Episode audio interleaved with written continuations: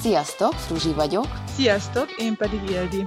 A Válasz az Egyensúly podcastet hallgatjátok, ahol test, lélek és szellem egyensúlyáról beszélgetünk különböző nézőpontokból. Tartsatok velünk, hogy miként tudtok magatokkal, a körülöttetek lévő emberekkel és a környezettel még jobb harmóniába kerülni. Sziasztok! Sok szeretettel köszöntünk titeket a Válasz az Egyensúlyt podcast legújabb adásában. Itt van velünk ismét Fruzsi. Sziasztok! A mai nappal elérkeztünk a szüléshez kapcsolódó sorozatunk utolsó epizódjához, ami lényegében a szülés utáni hangulatváltozásokról, illetve a szülés utáni depresszióról fog szólni. És ismét hívtunk egy szakértőt a téma feldolgozásához, méghozzá német Adrián kineziológust, akivel már több epizódban is találkozhattatok. Szia, Adri! Sziasztok! Adrinak kifejezetten szakterülete a szülés utáni depresszió, amiről még egy könyvet is írt, vagyis hát igazából így a hangulatváltozásokról és a szülés utáni időszakról, Mama Zizi néven, szóval a mai adásban igazából ezt az időszakot fogjuk, illetve ezeknek a nehézségeit kicsit jobban körbejárni az ő segítségével, úgyhogy szerintem vágjunk is bele a témába.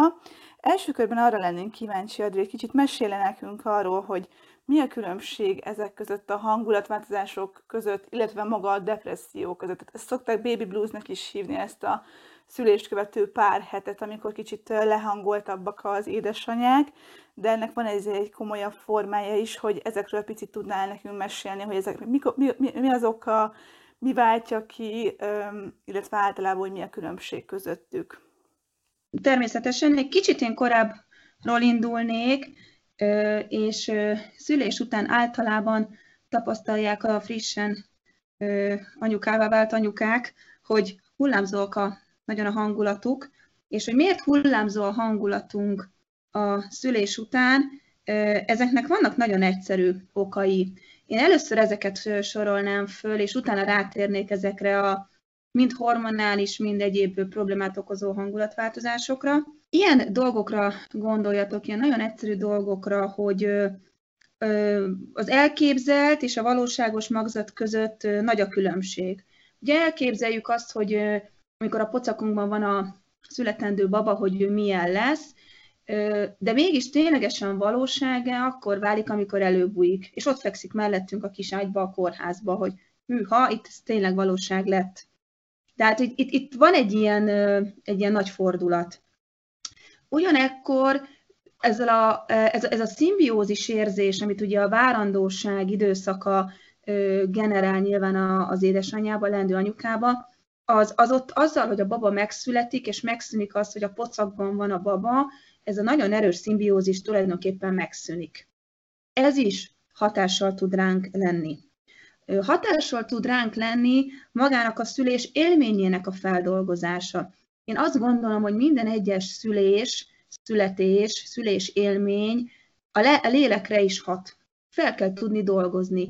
Teljesen mindegy, hogy az milyen formában történik, még a legszebb szülés élmény is azért egy nagyon-nagyon nagy élmény, rengeteg impulzussal, és idő kell, amíg a, az anyuka ezt úgy feldolgozza magát, ezt a, ezt a történést. Ami ö, szintén ott az első időszakban eléggé gyakran jelen szokott lenni, és különösen amikor valaki frissen lesz anyuka, tehát az első gyermek esetében, hogy ott mindenki bele akar szólni, hogy hogy kéne csinálni. Ilyenkor szoktak ugye előkerülni a, a nagymamák, akiknek örülünk, hogy segítenek, de amikor ugye előjönnek a, a több évtizedes ö, ö, gyermek ö, nevelési, meg gyermekgondozási tapasztalataikkal, az nem biztos, hogy mindig jó. Tehát az anyuka is ugye eleve egy rutintalan, bizonytalan állapotban van, mondom, főleg az első gyermekesekről beszélek, egy teljesen új élethelyzetbe ugye belekerül, azt se tudja, mit, hogy kell csinálni, tényleg a napi feladat végzés adja majd meg azt a rutint és azt a tapasztalatot, ami egy idő után már egy, egy magabiztossága össze tud állni. Hát az első hetekben egyáltalán nem erről beszélgetünk. Ugye ott van a szoptatás is, mint egy külön témakör, biztos erről beszéltetek.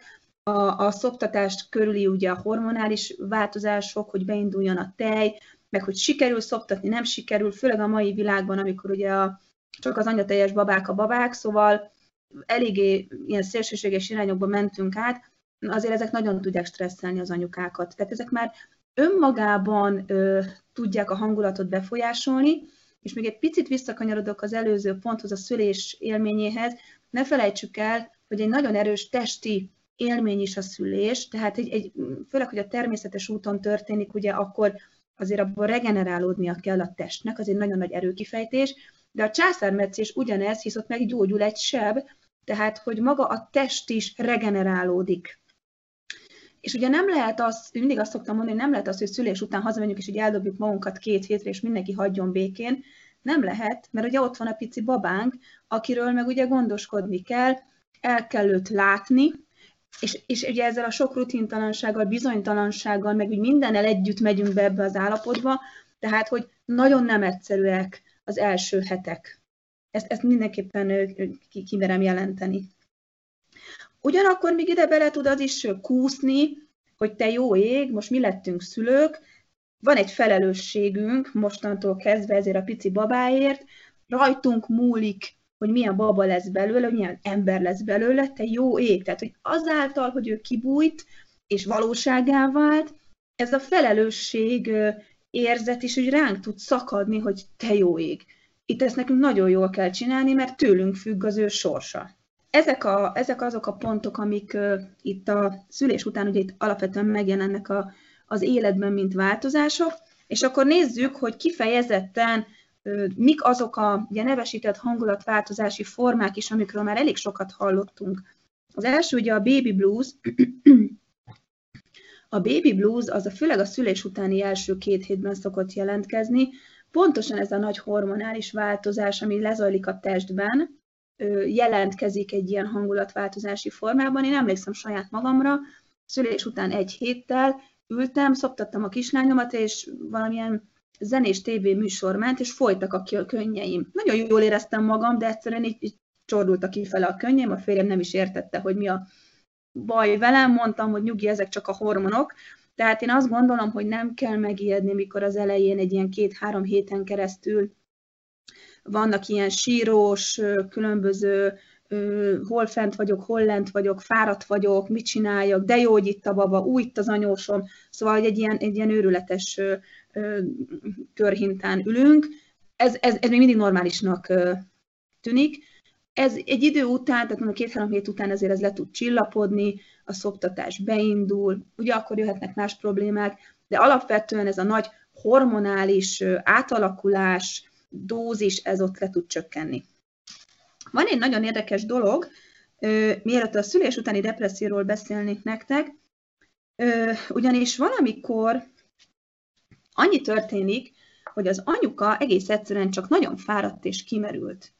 Tehát ahogy telnek a hetek, ugye kezdenek ugye összerázódni a babával, kezd úgy kialakulni a ritmus, egy picivel több gyakorlat már van, már van némi tapasztalat, de amikor az anyuka nem tud mondjuk eleget aludni, hisz ugye szoptatás van, éjszaka is kell a, kell a baba, éjszaka is szoptatni kell, napközben vagy tud aludni az anyuka, miközben a baba mondjuk pihen, vagy nem. Tehát amikor ez így kumulálódik, és ez így nagyon összeadódik, akkor bizony van olyan, hogy egy, hogyha egy anyuka nagyon fáradt és kimerült, akkor nagyon könnyen produkálhat olyan tüneteket, mint a szülés utáni depresszióba szenvedne. És ez egy nagyon fontos megállapítás és felismerés, mert sokszor van, amikor az anyukák is hozzám fordulnak, és tulajdonképpen csak ennyi van. Ők azt gondolják, hogy depressziósok, és csak annyi van, hogy, hogy egy kicsit mondjuk másképp kell szervezni az életüket, nem kell ragyogni a lakásnak, egy kicsit lejjebb adni a saját elvárásaikból, és akkor már is egy, egy felszabadultabb állapotban, már pihenni is mondjuk jobban tud, és úgy rendeződnek a viszonyok. Ugyanis a, a, ami megkülönbözteti ezt az állapotot a valódi szülés utáni depressziótól, az az, hogy ott kettő darab nagyon egyértelmű jele van, amikor tényleg a depresszió tényezője fönnállhat. Az egyik az a külvilág iránti érdektelenség, nem érdekel, hogy mi van körülöttem, a másik pedig a kapcsolatteremtési képesség hiánya. Tehát amikor tényleg valaki nagyon befelé fordul az már nagyon gyanús tud lenni, de olyan szinten, hogy még a babájával sem akar törődni. Visszatérve az előző esetre, amikor az anyuka csak fáradt és kimerült, minden esetben ott van ilyenkor az, hogy de a babám hogy ő jól legyen, hogy őt akar, el, el akarom látni, tehát, hogy a folyamatos aggodalom az, az ott megjelenik. De amikor ez már nincs, és ez a, ez a nem érdekel, hagyjon mindenki békén, én el akarok menni egy szigetre, el akarok futni ettől a helyzettől, na azt már viszont komolyan kell venni. Azt már komolyan kell venni, mert ez egy nagyon édes különbség. Amikor valaki fáradt, gondoljunk bele, teljesen tegyük félre most ezt, a szüléses dolgot, amikor mondjuk akár a munkahelyünkön összejön egy húzósabb időszak, vagy valami más miatt az életünkben is kevesebbet tudunk aludni, akkor az egyenesen arányosan ingerlékenyebbek leszünk napközben, vagy vagyunk napközben, sokkal feszültebbek vagyunk, minden olyan, olyan, olyan végtelenül egyszerűen tűnő kis dolog is olyan, olyan nehéznek, olyan terhesnek, terheltnek tűnik, teljesen érthető reakció, a, én azt gondolom, hogyha így reagálunk a kialvatlanságra. De mondom, hogy a, a depressziónál ugye eleve, hát az, a, tehát az, hogy nem tud aludni, álmatlanság van, a, az anyuka, az szintén tünet, de, de az a nagyon nagy különbség, hogy aki nem depressziós, az igenis szeretne a babájával foglalkozni, és ugyanúgy a baba van ott nála elsőként, aki viszont erősen csúszik be a depresszióba, ott, ott, ott ez eléggé markánsan meg tud jelenni, hogy nem érdekli, hogy mi van körülötte. Majd lesz, ami lesz. Vagy mint egy gép ellátom a feladatomat, de nem igazán, nem igazán próbálok kontaktot teremteni se a babámmal, se a férjemmel. És van ennek a, a szülés utáni depresszió egyébként a szülés utáni második, harmadik hónapban szokott kezdődni. Tehát hozzám is szoktak fordulni anyukák három hét után, hogy úristen, így meg úgy vagyok, és mindig megnyugtatom őket, hogy ez még a baby bluesnak a vége, illetve adjon időt magának, hiszen amiket elmondtam, hogy mennyi minden ér minket, és miben kell új módon ugye helytállnunk, ahhoz meg kell magunknak adni az időt. És a szülés utáni depresszió az anyukáknak kb. csak a 10%-át szokta érinteni, tehát hogy nem annyira nagy ez a szám. Van még egy nagyon szélsőséges esete a szülés utáni hangulatváltozásoknak, erről is nagyon fontos beszélni, ez a szülés utáni pszichózis. Ez a legsúlyosabb és azonnali kórházi ellátást igénylő formája a hangulatváltozásoknak. Mi a betegség jellemzői? A hirtelen fellépő személyiségváltozás, a realitás érzékelés teljes elvesztése, halucinációk és ugye a kényszergondolatok. Na most ez nagyon ritkán szokott azért előfordulni, ugye sajnos szoktunk azért ilyet hallani, amikor az anyuka rossz, olyan rossz állapotba kerül, hogy a babában tesz kárt. Ezek nagyon szomorú esetek, és ezek nagyon súlyos esetek, tehát amikor már ennyire erősek ezek a tünetek, akkor mindenképpen azonnali orvosi ellátásra van szükség. Úgyhogy ezek a hangulatváltozásoknak a, a fajtái. Fú, Adri, annyira szuperül összefoglaltad őket, meg így köszi az elején ezt a teljes képlefestést, úgymond, hogy mi az, ami ide vezethet. Tehát igazából nem csak az van, hogy oké, okay, megszüljük a gyerekünket, és akkor jön valamilyen hangulatváltozás, hanem azért ez egy több összetevős folyamat. Ez a pszichózis, ez nagyon durva, ilyenről még nem is hallottam, úgyhogy remélem, hogy tényleg nagyon kevés embert érint, mert ez ezért elég durva lehet. Nekem igazából két dolog merült föl, mint kérdés ezzel kapcsolatban.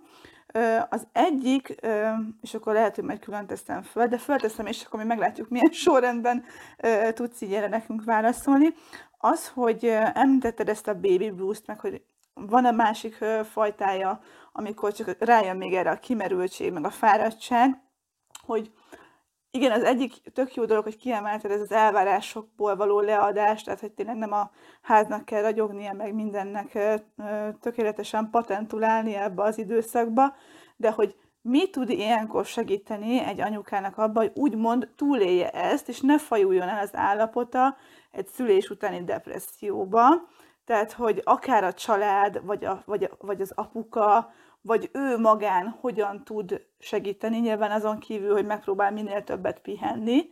Ezen az egyik oldala a kérdésnek, a másik pedig az, hogy mitől függ, hogy csak valakinél csak az egyik típus jelentkezik, vagy nem fordul át sokkal komolyabbba. Tehát van egy ilyen, hogy is mondjam, ilyen shift, egy ilyen váltó, amikor ez át tud fordulni. Tehát mi, mi okoz, mi kapcsolja be ezt igazából? Nem tudom, értelmes a kérdés, amit föltettem így. Igen, teljesen, teljesen értelmes és teljesen érthető. Az, hogy mi tud segíteni, én azt látom, hogy a, a legfontosabb, ami tud ebben segíteni, főleg az első időszakban, hogyha az anyuka elengedi az elvárásait magával szembe. Tehát hatalmas elvárásokkal érkeznek az anyukák ebbe az állapotba, és ugye szembesülnek azzal, ami a legnagyobb probléma szokott lenni, hogy a baba nem azt csinálja, amit ők szeretnének, és a baba ugye nem egy gép. Ugye le vannak írva ezekben a könyvekben, hogy a babáknak hogy kéne működniük, meg az anyukának a fejében is van egy kép, hogy hogy kéne a babának működni, és ez általában nem szokott megvalósulni, és ilyenkor szokott jönni a kétségbeesés. Tehát én azt gondolom, hogy ezekben a hetekben a rugalmasság egy nagyon nagy varázsszó tud lenni. És az, hogy egy kicsit elengedjük a dolgokat olyan értelemben, hogy nem a fejünkben élő képet akarjuk megvalósítani, hogy ennek milyennek kellene lennie, hanem kinyitjuk a szemünket, és ráhangolódunk a valóságra, hogy mi és hogy történik, ugyanis ekkor tudjuk magunkat a legjobban érezni, és ekkor tudunk leginkább összekapcsolódni a babánk igényeivel, és így tudjuk ilyenkor, így tudjuk, és ebben az állapotban legjobban az ő igényeit kielégíteni, és igazából ez tudna megnyugvást hozni. Azt látom, hogy tényleg van olyan anyuka, aki szülés után hat nappal már ír nekem, hogy mi az, hogy ez meg az van, és akkor hát le kell ültetni, hogy anyuka hat napja szült, te jó ég, tehát hogy adjunk időt magunknak. Tehát az, hogy időt adunk magunknak, az nagyon-nagyon fontos. Mi az, ami tud még segíteni? Én azt gondolom az, hogyha a, azon túl, hogy az anyuka lerakja az elvárásait, elfogadja a segítséget, amit, amit kap a környezetétől, ha szükséges, kijelöli a határait, mondjuk a túlbuzgó nagymama esetében, és, és a környezet pedig ráhangolódik az anyuka igényeire egy kicsit jobban, amennyire, amennyire lehet. Ez egy, ez egy ilyen nagy összjáték. Tehát, hogy itt, itt tényleg mindenkinek félre kell tenni a fejében lévő képeket, és azt kell nézni, mi a valóság, és ahhoz igazodni, és ahhoz alkalmazkodni. Ugye ne felejtsük el, hogy ez, a, ez az új élethelyzet, ez, ez önmagában az anyukának jelenti a legnagyobb változást, és az, hogy ő hogy tudja felvenni a ritmust, illetve hogy tud ehhez alkalmazkodni, és itt már megyek tovább a kérdésben, az tulajdonképpen rajta múlik. Tehát, hogy ö, nagyon sok esetben én azt látom, hogy amikor ez egy súlyosabb formát tölt ez a hangulat ingadozás, akkor az, az általában azért van, mert az anyukának a személyiségében ö, szükségszerű egy olyan változás, amit a baba ki tud úgymond eszközölni.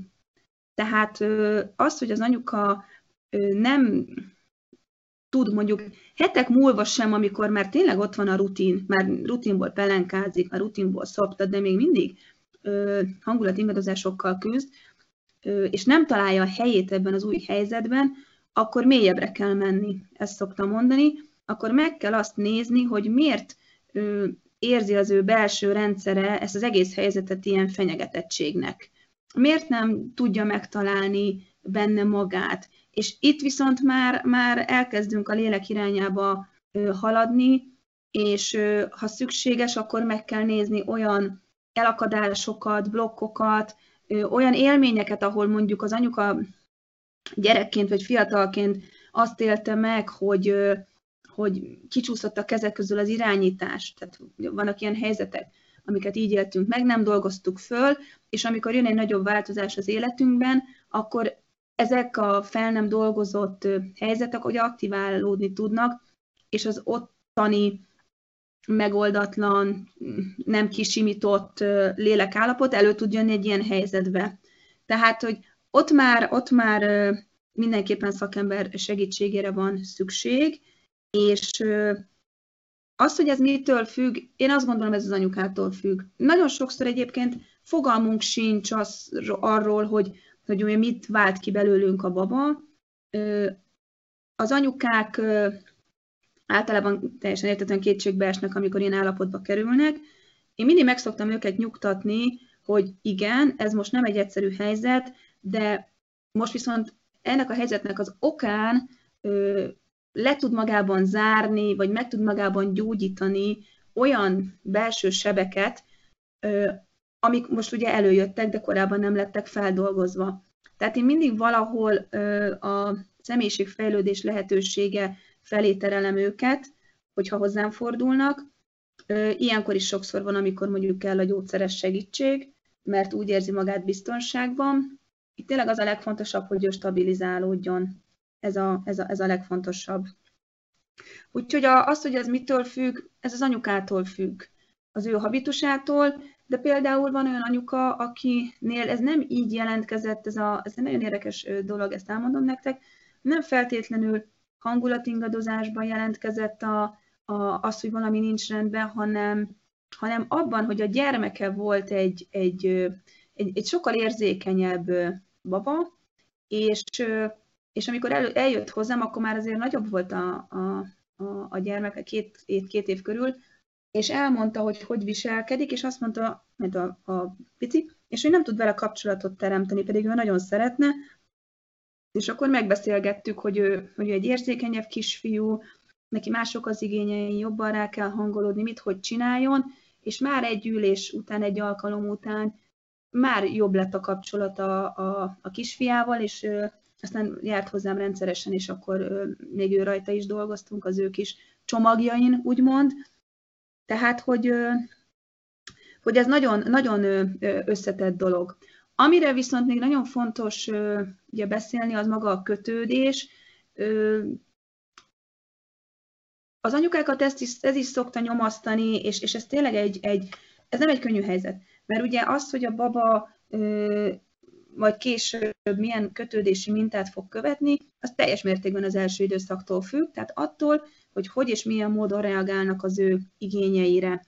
És egy kicsit, ha hátrább lépünk, akkor ezért is fontosabb fontos a család szerepe, hogy ne az legyen, hogy amikor az anyuka küzd magával, akkor a, hát a, a jótékony anyós még le is dorongálja, hogy na hát te milyen vagy, meg mondjuk a fiának szidja, hanem, hanem azért fontos, hogy az anyuka rendben legyen, ugye alaptétel, mert akkor a család is rendben van, de itt még fontosabb, a baba is rendben van. Tehát az anyuka rendben van, ugye akkor rá tud hangolódni sokkal-sokkal jobban a babára, és a baba ilyenkor szerzi az első időszakban a kötődési mintázatát, és nagyon nem mindegy, ugye, hogy milyen mintázattal indul a, az életbe.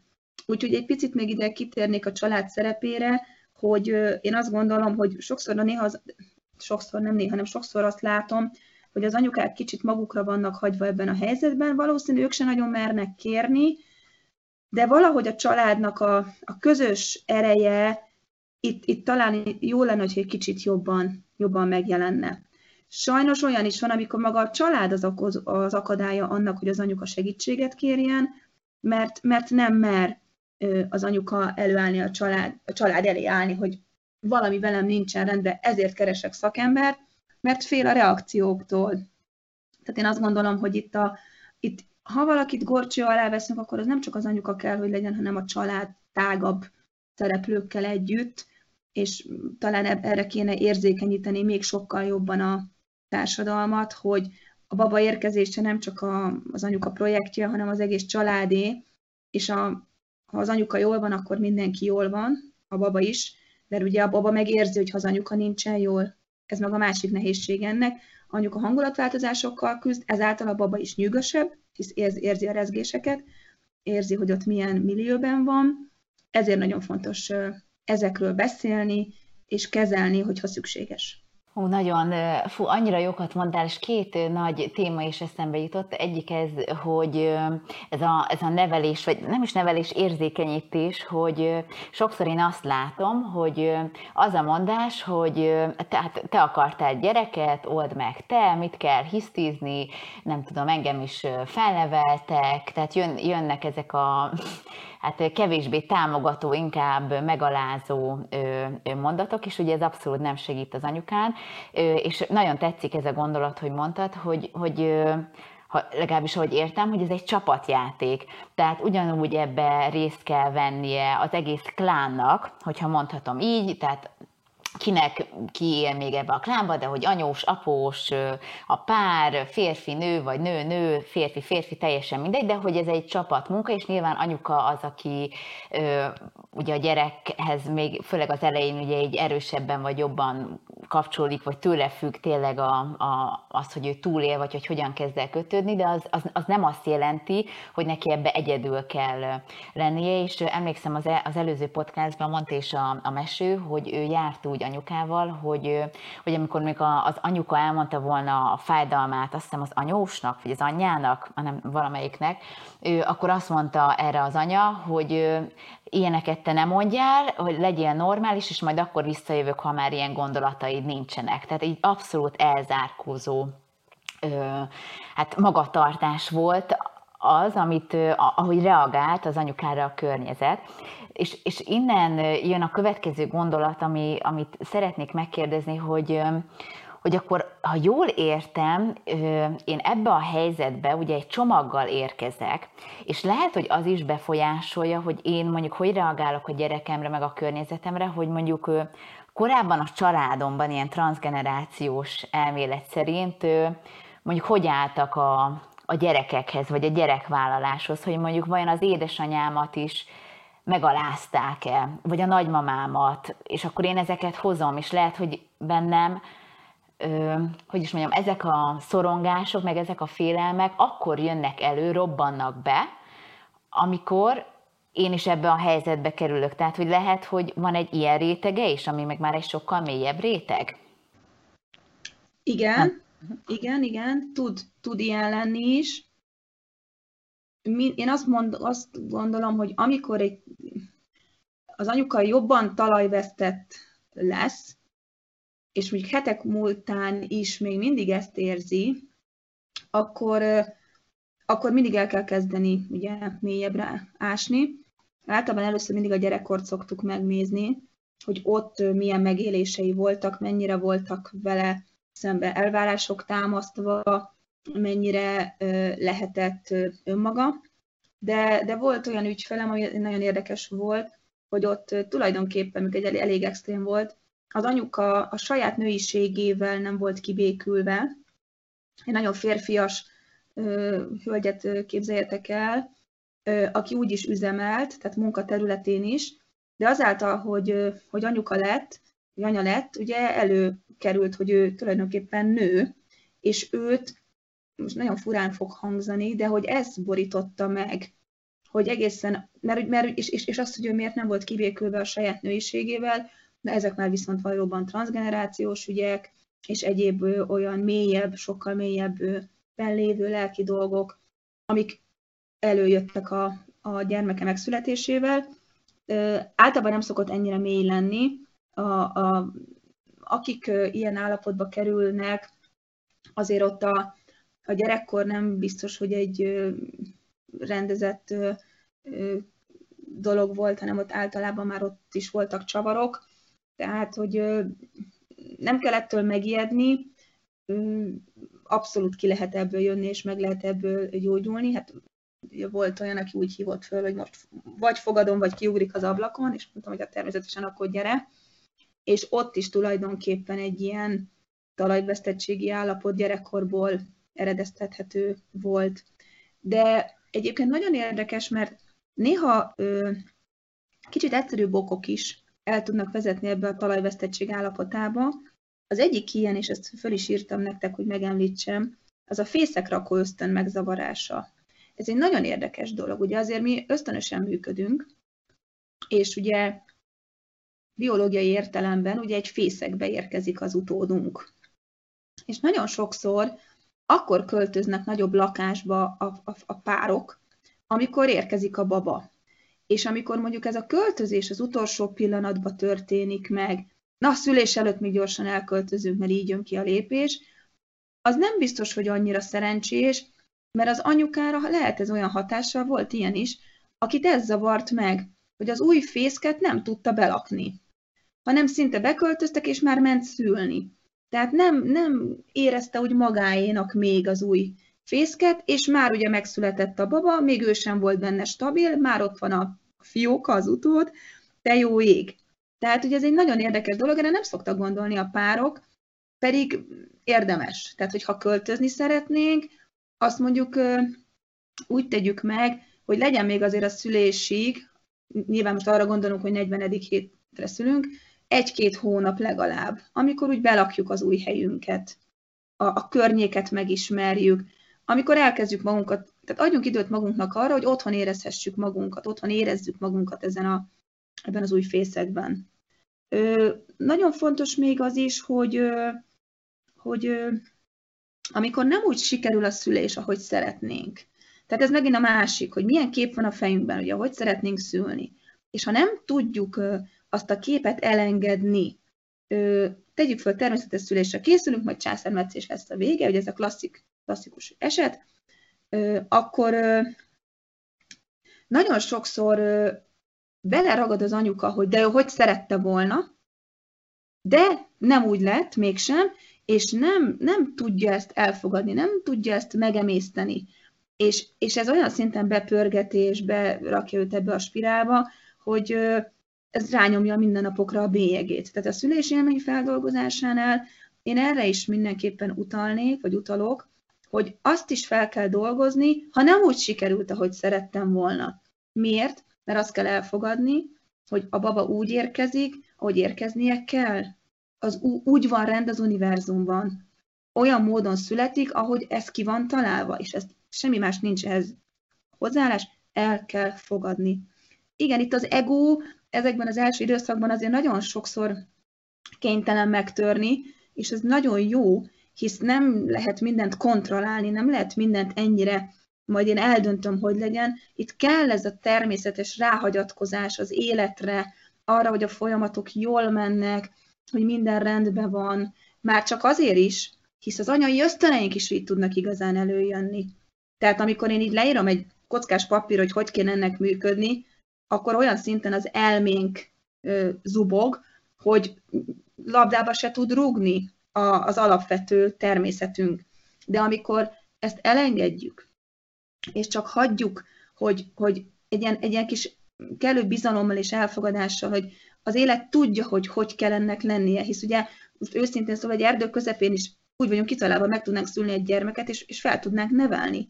Tehát, hogyha erre gondolunk, hogy ez, ez tud menni sokkal kevésbé civilizált környezetbe is, nyilván ott sokkal jobban össze vannak kapcsolódva önmagukkal, a lelkükkel, és hagyják, hogy a dolgok a természetes medrükben, módjukon folyjanak, akkor elő tudnak jönni az anyai ösztönök is. És ugye az anyai ösztön egy óriási erősségünk és kincsünk, mert ha az előjön, ha az elménk lecsendesül annyira, hogy az teret kapjon, akkor nagyon jó iránymutatás lesz nekünk a babával, baba körüli teendőkben is, hogy érezzük, hogy most beteg, nem, nem annyira el fog múlni az a kis nátha, vagy vigyük orvoshoz.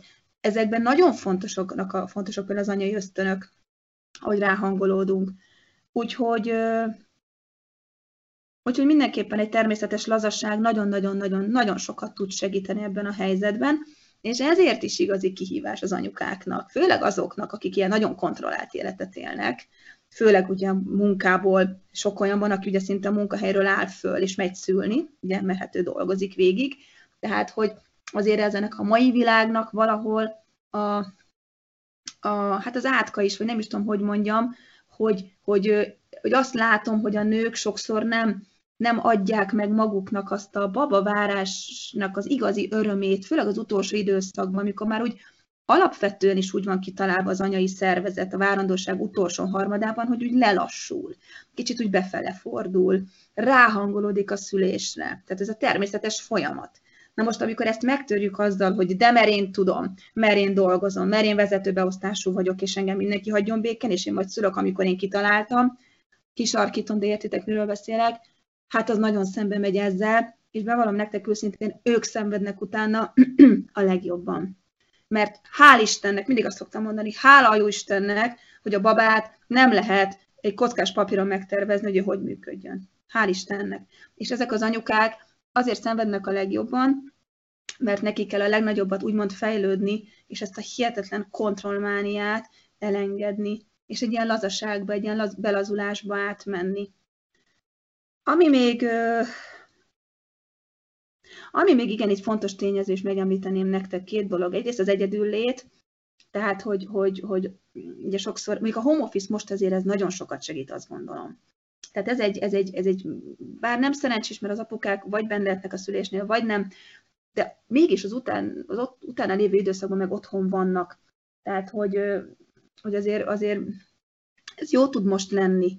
Lehet, hogy a szülés nem olyan lesz, nem közös élmény, de mégis utána az első időszakban meg, meg hát most otthon vannak az apukák sokkal jobban, akik hogy úgy dolgoznak például, és nagyon sokan mondják, hogy, hogy, hogy nagyon sokat számít az, hogy most otthon vannak, az anyuka is stabilabb, bizton, nagyobb biztonságban érzi magát, jobban össze tudnak hangolódni, össze tudnak szokni, tehát ugye tudjátok, ez a minden rosszban van valami jó, szóval azért itt vannak, vannak ajándékok is ebben a, ebben a mostani időszakban. Tehát az egyedül lét, amikor nincs home office, meg nincs covid, akkor az egyedül lét azért az anyukákat eléggé ki tudja billenteni, illetve amit, amit muszáj megemlíteni, egyrészt, a, hogyha a saját anyukájával nem jó a kapcsolata, tehát egy rossz anya kapcsolat, ami nincs feldolgozva, az sajnos megint, megint elő tud kerülni. Már csak azért is zárójelben jegyzem ezt meg, mert van egy olyan elmélet, hogy a baba megszületésével tulajdonképpen a saját gyerekkorunkat az anyu is újra, újra éljük. Tehát az anya a saját gyerekkorát újraéli. És hogyha ott törések vannak, sebek vannak, stb., az, az elő tud, elő tud jönni, tehát fel nem dolgozott ügyek.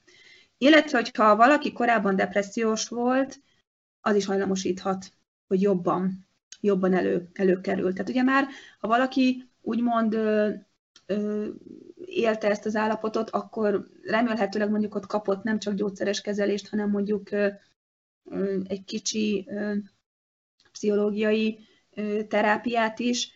Ha ez sikeres volt, annak örülünk, de hogyha mondjuk előjön a depresszió most szülés után, akkor érdemes megnézni a korábbit is, hogy ott lehet, hogy nem volt annyira sikeres az a, az, az adott terápia. Így van, és még, még, még említek nektek egyet, ez a, ez a, ez a tévhitek az anyaságról, tehát, hogy nem csak az, hogy a babának hogyan kéne működnie, hanem nekem anyaként hogyan kéne működnöm, ezt egy kicsit jobban kifejtem. Tehát, hogy én ugye tele vannak a baba-mama magazinok, ugye a szuper anyuka képekkel, hogy az anyuka szülés után rögtön 50 kiló lesz, csorog a tej, a baba a kis pufi, tehát hogy minden szép és minden jó.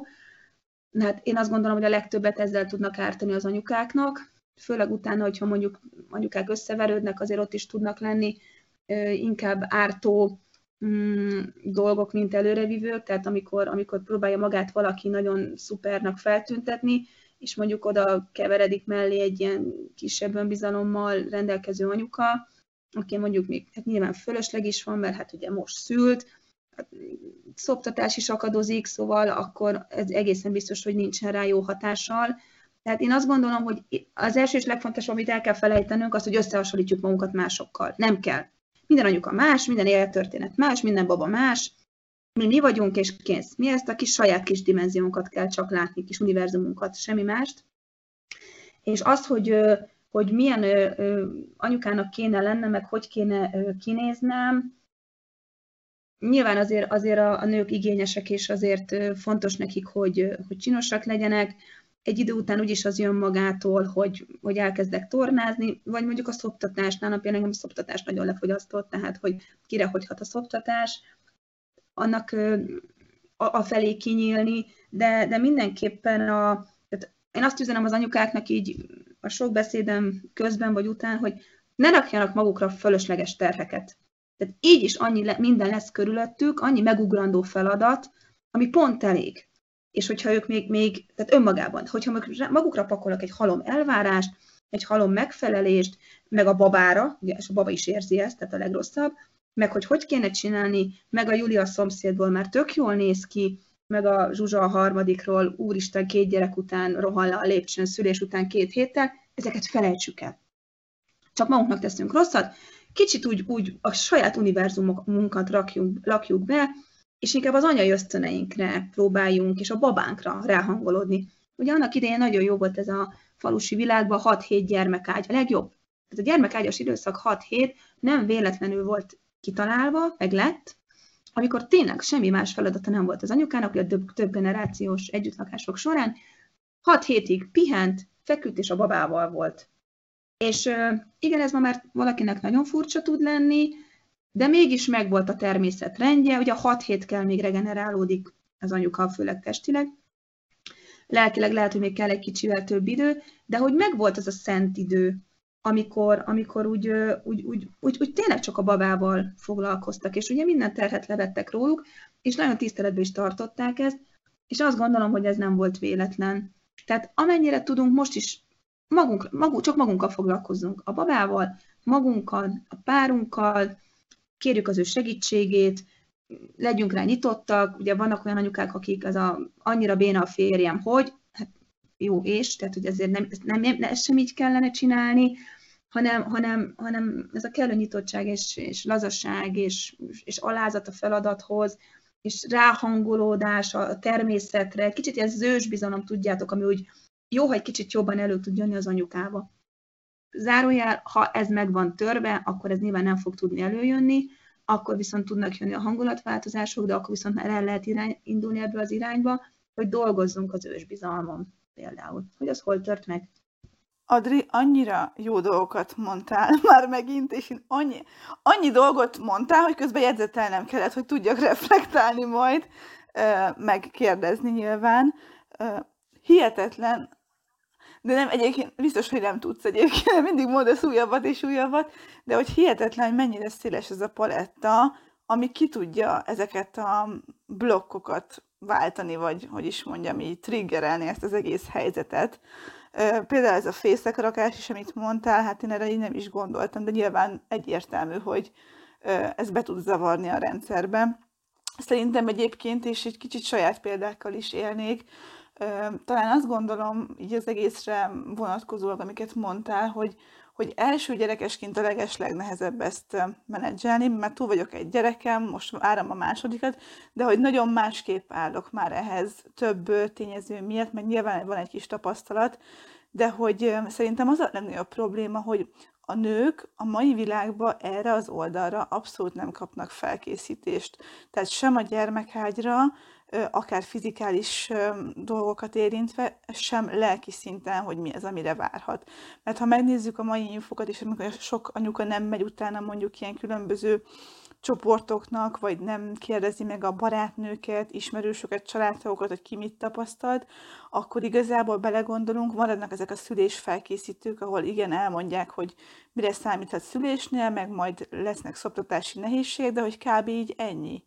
És szerintem így nagyon nehéz így, hogy is mondjam, így egyensúlyban maradni ebben a témában, hogyha nem kapod meg ehhez a kellő támogatást, akár az első időszakra vonatkozóan, hogy mondtad, hogy mennyire fontos az első pár hét, meg hónap a kötődés kialakulás szempontjából, meg hogy a baba megérzi, hogy ha anyuka nincs jó hangulatban, de hát bakker, hogy legyen jó hangulatban, hogyha szétszorongja magát, meg nem kap segítséget, meg nehezen megy minden, meg nem alszik. Igen, ez így nehéz, de én úgy gondolom egyébként, hogy ez idővel akár változtatható, meg a másik ez, hogy a kontrolláltság, mintha engem írtál volna le, de nyilván ezt te is tudod. Meg engem. Igen. Tehát, Tökéletesen. Hogy, tehát, hogy ez a igen, ez így fog történni, így fogok szülni, a gyerek ilyen lesz, ennél is aludni fog, minden tökéletesen fog alakulni, és aztán megszületik az első gyermeked, és minden borul. És ez azért jó egyébként, egy ilyen jó kis arconcsapás, hogy nem, ezt nem engedem megtervezni, mert ezt nem lehet. Ezt te nem befolyásolhatod, de ugyanakkor a másodikkal már az ember talán így tapasztaltabb. Nyilván jöhetnek olyan nehézségek, amire nem számítunk, vagy így nem tapasztaltuk még meg, de hogy én például tapasztalatban mondom, mert még két hét van hátra a szülésemig, hogy szerintem az nagyon sokat tud segíteni, hogyha ezeket tényleg elengedjük, ezeket az elvárásokat, és a lehető leges legtöbb szenárióra felkészülünk elméletben, hogy igen, így szeretném, de lehet, hogy így fog történni, vagy úgy fog történni, lehet, hogy császár lesz a vége, lehet, hogy nem tudom, apuka nem lehet bent, mert kitalálják az utolsó percben, hogy Covid miatt nem lehetnek bent apukák. Most mondtam egy elvakult példát, de egyébként simán benne lehet. Szóval, hogy igen, talán, és száfolj meg, hogyha ezt tenném, így gondolod, de szerintem, hogyha az ember a lehető legtöbb dologra így rugalmasan kinyit, akkor az, az nagyban tudja könnyíteni ezt a helyzetet. A másik pedig, amit mondtál így a gyermekágyra vonatkozóan, hogy igen, régen 6 hét volt, és most én is azt tapasztalom, hogy én ezt most lehető legjobban szeretném megélni. Én az első gyermeknél nem kértem segítséget, végig szenvedtük ketten a párommal az első időszakot, meg igazából végig, és most azt érzem, hogy de igen, nyilván ki kell találni, hogy kinek mi a segítség, mert azért, na, nem, nem megyek bele a részletekbe, de hogy ez fontos lealapozni, hogy kinek ez mit jelent, de hogy ennek a megélése szerintem óriási ilyen megnyugvást tud adni a anyukának is, meg a babának is. Ez teljesen így van. Én emlékszem arra, amikor én mentem szülni, hál' Istennek előtte nem voltam kórházban, csak amikor én születtem, ezért hát a kórházi lét számomra egy ilyen újdonság volt. Úgyhogy én, én, én azt az elvet követtem, hogy én minden illúziómat elhagytam, semmiféle illúzióm nem volt, hogy hogyan kéne ennek lennie, úgyhogy innentől kezdve én annak is örültem, amikor rám mosolygott az egyik csecsemős nővér. Ö, egész egyszerűen az egy jó hozzáállásnak tűnt egyébként, mert én azt gondolom, hogy ott a gyermekágyas osztályon azért ott sok minden meg tud történni a, hát igen. a szülőnőkkel, vagy a szülés után a friss anyukákkal, de én már csak röhögtem. Tehát bármi, tehát hogy mindenki megvizsgált, jó, örülök, tőlem tettek, nekem tettek fel olyan kérdéseket, amiket nem kellett volna. Na mindegy, sorolhatnám. Szóval a lényeg az az, hogy, hogy az mindenképpen sokat segít, igen, hogy, hogy az illúziónkat, illúzióinkat elengedjük, és, és ráhagyatkozunk ez a, ez a minden úgy, tehát igen, tehát nem azt jelenti, hogy akkor most talajvesztetek leszünk, hanem abba a hitbe kell, és érdemes belemenni, hogy minden úgy lesz jó, ahogy lesz, és minden jó lesz. És ez, ne, ez, ez nekem is, és a babának is ez lesz a legjobb. Tehát egy ilyen, egy ilyen teremtő mantrával, mert akkor biztos, hogy ami először mondjuk olyan furának tűnik, ott adott helyzetben, később rájövünk, hogy ja, az úgy volt jó. Ezt mindenképpen, ezt mindenképpen ajánlom. És ugye, amit még nagyon örülök, hogy megemlítettél az elején most, a hozzászólásod elején, hogy igen, tehát ugye ne felejtsük el, hogy azért például egy falusi környezetben régen, vidéken azért volt ez könnyebb, mert több generáció lakott együtt. Tehát ott, mire valaki elért abba a, az élethelyzetbe, hogy ő szült, előtte kisgyerekként már végignézett mondjuk egy jó pár ilyen helyzetet. Nem magát a szülést, hanem magát a folyamatot. Tehát egy csomó-csomó tapasztalata volt, mire odaért, hogy ő is ezt átélje. És ugye itt ebben az izolált nagyvárosi létben ez már nincs. Ugye nincsenek több generációk, megszűnt ugye az a világ, tehát valóban ö, egyedül kell megküzdeni, és ez egy sokkal nehezebb, ha belegondoltok, egy ugyanazzal az élethelyzettel. Csak ott ugye rengeteg tapasztalattal ment ugye már bele ö, valaki ebbe, sőt, ne kövezzetek meg, de ugye látták, hogy az állatoknál ez hogy van, ugye ott a kis boci, ha megszületett, és stb. Tehát annyi, sokkal közelebb voltak a természethez, ezt próbálom nektek elmondani, és ezekhez a természetes folyamatokhoz. Itt az, hogy a, a digitalizáció és az okos telefonok világában, hát ettől csak szélsebesen távolodunk, és, de a feladat ugyanaz lesz, ugyanaz, mint ezelőtt száz évvel, csak egyszerűen annyira más a millió, hogy érthető, hogy nehezebben állunk hozzá, pedig ugyanazok az ősi ösztönök működnek bennünk, mint akkor. Úgyhogy itt van az igen, így van. Én azt gondolom, hogy ahogy haladunk előre, a fejl, technikai fejlődésben meg mindenben, egyre nagyobb szerepe lenne ezeknek a felkészítőknek. Tehát én, én látom magam körül ismerősök, akik szülnek, és így úristen, ha én ezt tudtam volna. És az egyik honlapot csinál, a másik könyvet ír, a harmadik nem tudom, versbe írja ki magát, de hogy, hogy ez úgy mindenkit úgy melbevág, hogy hú, hát ezt nekem nem is mondták, ezt, ezt tudtam volna. Igen, és azt gondolom, hogy még mindig nagyon-nagyon-nagyon kevés ennek a platformja, hogy erről beszélgethessünk, de nem is csak arról, hogy a szülés után mi várható, hanem még kisebb a platformja annak, hogy a szülés után igenis lehet hangulatváltozás, és arra viszont van segítség. Tehát én akkor fogok megnyugodni, hogyha mondjuk látok egy ilyen kormányzati reklámot, most több melyik oldalról beszélgetünk, hogy ha emberek, van ilyen, és, és, és nem kell az anyukát megkövezni, hanem segíteni kell neki. Tehát magyarul ez még mindig nagyon gyerekcipőbe jár. mind a felkészítés, mind a felkészítés a hangulatváltozásokra, illetve a legfontosabb üzenete marad el, hogy van kiút, van, van hova fordulnod, mert azért már rengetegen vannak, akik ezzel foglalkoznak, és ez egy jó dolog. Csak ugye mire ezt megtalálják, szóval na, a lényeg, hogy itt nagyon nagy fejlődésre lenne még szükség, én azt gondolom. Igen, nekem erről két dolog jutott eszembe. Az egyik, hogy hogy mi van akkor, mert most ugye mi még baba várás előtt vagyunk, és a férjemmel mind a ketten egy, azt hiszem, ő se sértődne meg, ha azt mondom, hogy ilyen elég maximalista és kontrolláló emberek vagyunk, és én ezt racionálisan értem, hogy ezt kell csinálni, és, és nagyon örülök, hogy ezt, ezt így kimondtátok, és hogy lehet erről nyíltan beszélni, hogy, hogy ne legyen elvárás, de ugye ez, ez, ez, nem csak racionálisan kell megélni, hanem ezt tényleg érezni, és élni is kell, és az egyik kérdésem majd erre vonatkozik, hogy hogy ez, ez, ez lehet egyedül, vagy, vagy, vagy, vagy mindenképpen valamilyen segítségre van szükségünk, mind a kettőnknek. És a kérdés másik része, hogyha viszont már, már nem előtte vagyok ebbe, hanem már a szülés után vagyok, és, és érzem, hogy baj van, akkor, akkor is honnan tudom, hogy, hogy mikor kellene segítségért folyamodnom, hogy, hogy, hogy van egy pont, szerinted? Nem tudom, hogy baj-e, hogy egyszerre kettőt kérdeztem, de igazából a segítség kérés a fő téma. Igen. Az elsőre a válaszom az az, hogy amikor két ilyen nagyon kontrolláló szülő van, akkor megérkezik a baba, ugye, tehát kiválasztja a szüleit, titeket, megérkezik majd hozzátok, Hát a legnagyobb tanítótok ő lesz. A legnagyobb terapeutátok majd ő lesz. Ugyanis ő igen, ezt tapasztalatból mondom egyébként. Igen, igen, igen, igen. Tehát ő fogja a leghatékonyabban, a leggyorsabban és a legkönnyebben leszedni rólatok ezt a kontrollált állapotot. Nincs az a terapeuta, aki ennyire gyors lenne, mint ő. Mert úgy lesztek vele, hogy, hogy muszáj másképp gondolni, mert különben megőrülünk. Tehát, hogy annyira bele lettek szólva ebbe a változásba, de nyilván amit az Ildi is mondott, hogyha már egy olyan attitűddel álltok hozzá, hogy itt bármi lehet, tehát azért így már tudjátok magatokat, Fruzsi, már most trenírozni. Hogy egy gyerekkel, mindig azt szoktam mondani, hogy a kisgyermekkel, meg a gyermekkel az élet csupa izgalom, tehát, hogy olyannak kell lenni, mint egy jó GPS, bármelyik pillanatban újra kell tervezni, tudni.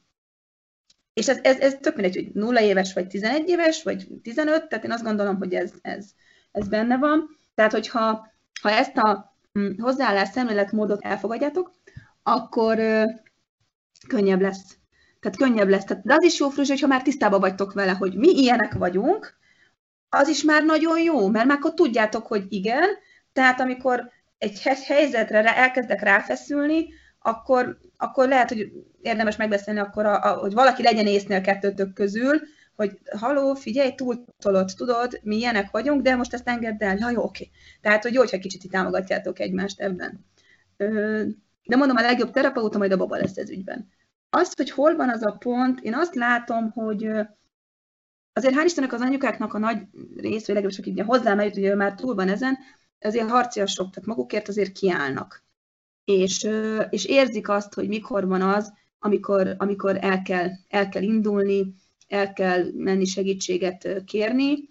Itt én azt gondolom, hogy amikor, amikor azt érzi, ez nagyon egyénfüggő, ez nagyon egyénfüggő, mert valaki már hat nap után ír nekem az anyalélekcentrum.hu oldalon, vagy, vagy, vagy, vagy két hét után, hogy úristen, mi van. Tehát mindenkinek más ez a pont. És akkor ott meg nyugtatni, hogy még nagyon az elején van, még, még azért várjunk ezzel, hogy segítséget kér. Ha ez nem változik két-három hónap múlva, akkor természetesen akkor, akkor, akkor beszélgessünk tovább. Tehát én teljesen egyénfüggő, hogy ki mikor érzi azt, hogy neki segítségre van szüksége, és ez jól is van így, tehát tartsuk tiszteletben tényleg az anyukáknak a kis rendszerét. Mindenkit akkor abban a helyzetben kell ugye segíteni, amikor ő, ő segítségre vágyik. A legfontosabb tulajdonképpen ez az, hogy merjen segítséget kérni. Lehet, mert van ilyen eset is, amikor ugye szóba hoztátok, amikor nagyon ellenálló a család.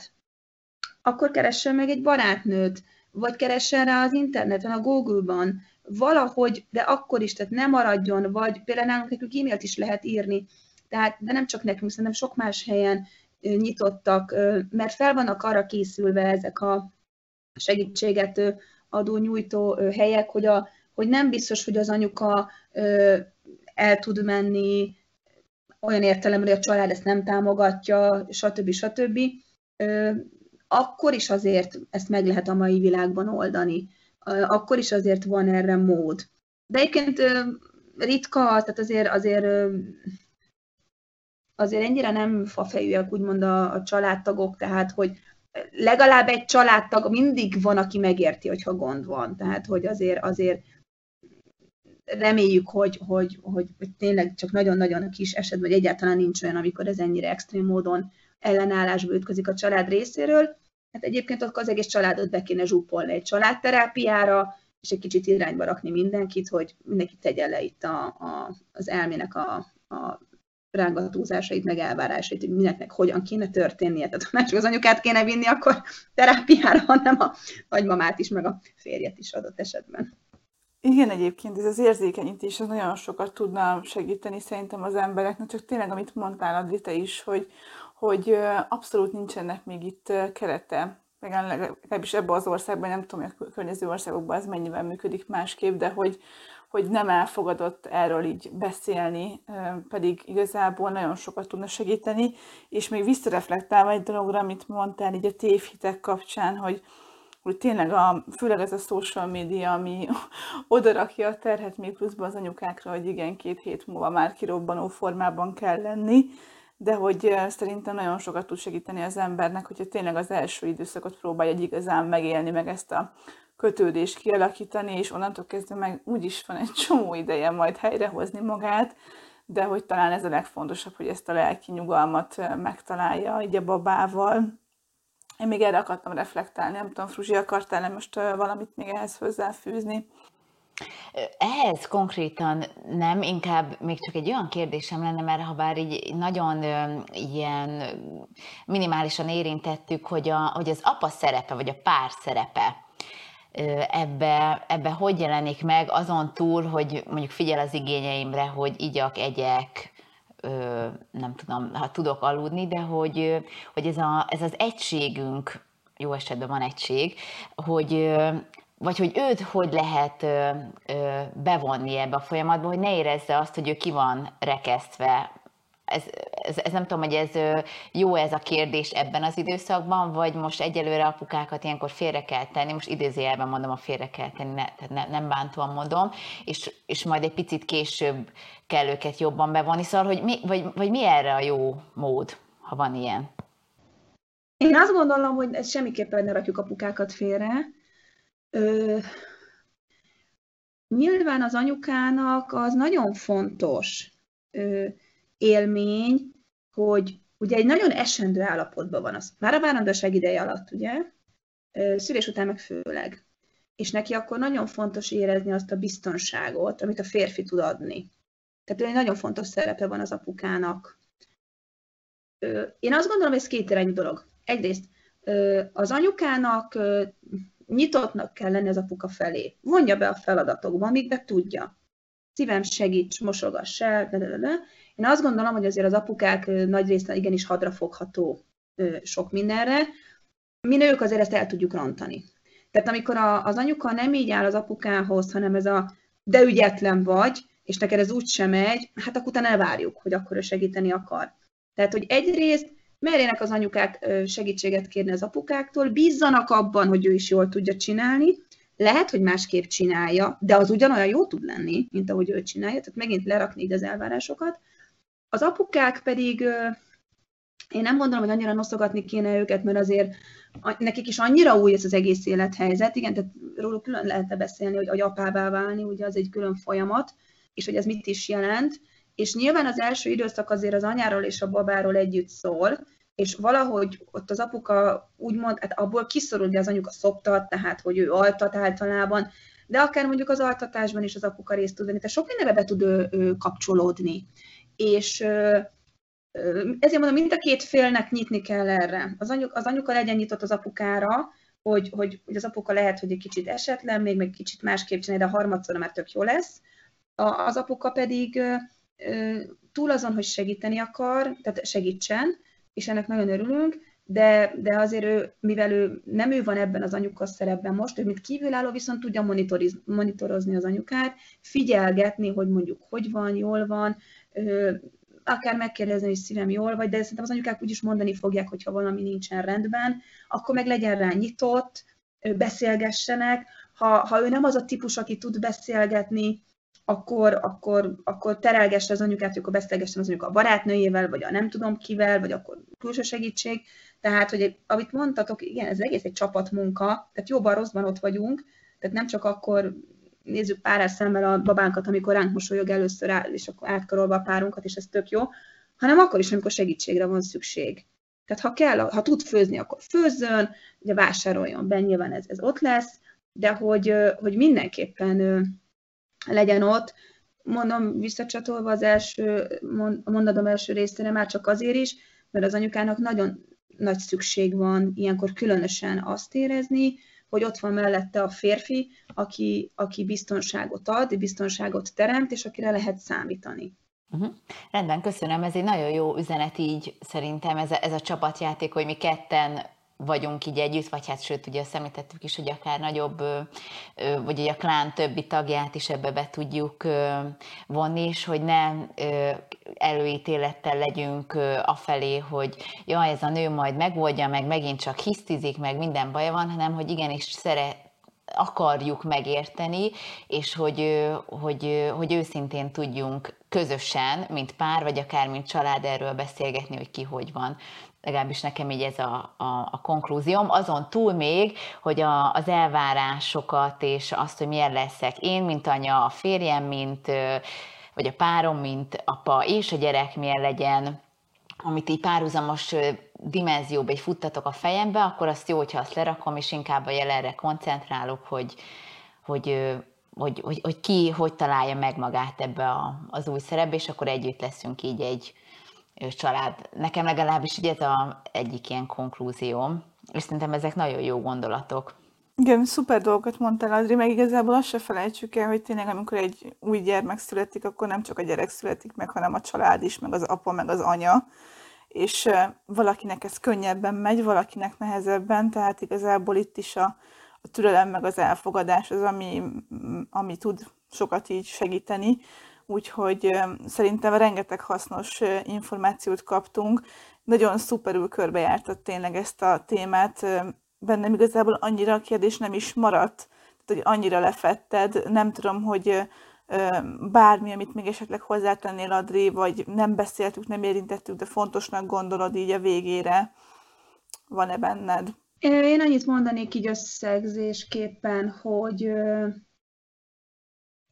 hogy a, az élet egyik legegyszerűbb, vagy a legösztönösebb dolga a maga a, a gyermekvállalás és a, a, a, a szülés, illetve az anyává válás, és hogyha ha, ha ez, ez nehézségbe ütközik, akkor, akkor beszéljünk erről, kérjünk segítséget, mi is az anyalélekcentrum.hu oldalon nekünk lehet írni, kapcsolatot fölvenni, mm, ott vannak esettörténetek is depressziós depressziót átélt anyukák tollából, tehát, hogy mindenképpen törekedjünk arra, és én azt gondolom, hogy azért ez túl sok mindenen, de azért tényleg valahol egy fontos tétel, és nagyon ősi és igaz, hogy ha az anyuka rendben van lelkileg, akkor a család is rendben van.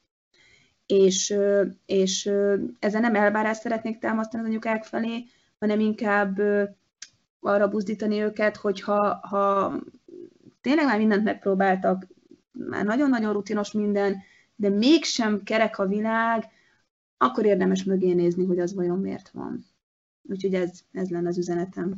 Igen, ez, igen, ezzel teljesen egyetértek, és még annyit hozzátennék, és Adri, te is erősíts meg ebbe kérlek, hogy ez most teljesen mindegy, hogy a gyereknek melyik életszakaszában járunk, hogyha anyuka rendben van, meg a család rendben van, akkor a gyerek jól lesz, és ez nem, nem feltétlenül az első hat hétre igaz, hanem legyen egy-két-három x éves a gyermek. Így van, így van, ez, ez, ez, ez alaptétel, ugye hát az anya a család lelke, de tényleg, és, és nagyon fontos mindenkinek, mindenkinek az ő jóléte, és az ő biztonságérzete, meg a stabilitása, Úgyhogy ez valóban, ez, ez bármilyen élethelyzetre, vagy bármilyen változás, ami a család életében bekövetkezik, és az anyukára mondjuk rossz hatással van, nagyon fontos, hogy, hogy ha kell, akkor segítséggel, de újra kisimuljanak a dolgok, és rendben legyenek.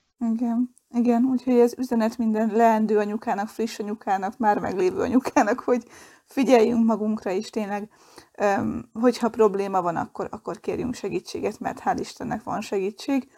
Úgyhogy akkor köszönjük szépen a, a mai beszélgetést. Adri, berakjuk a elérhetőségeket a show notes-ba, illetve a könyvnek is a linkjét, mert mindenképpen hasznos, és igazából biztos vagyok benne, hogy a hallgatók is rengeteg hasznos és új információt kaptak most ezzel a beszélgetéssel, tényleg legyen valaki bármelyik szakaszában a gyermekvállalásnak. Úgyhogy köszönjük szépen, hogy itt voltál. Hogyha szeretnétek kommentet írni, vagy üzenetet nekünk, akkor a Válaszd Egyensúlyt Facebook oldalán meg tudjátok ezt tenni, vagy pedig az infókukat választegyensúlyt.hu oldalon. Úgyhogy köszönjük szépen, hogy ma is velünk voltatok legyen szép hetetek, és két hét múlva ismét találkozunk. Sziasztok! Sziasztok! Sziasztok! Reméljük tetszett a Válasz az Egyensúly podcast adása. Ha igen, akkor értékeljétek, írjatok kommentet és osszátok meg az ismerőseitekkel.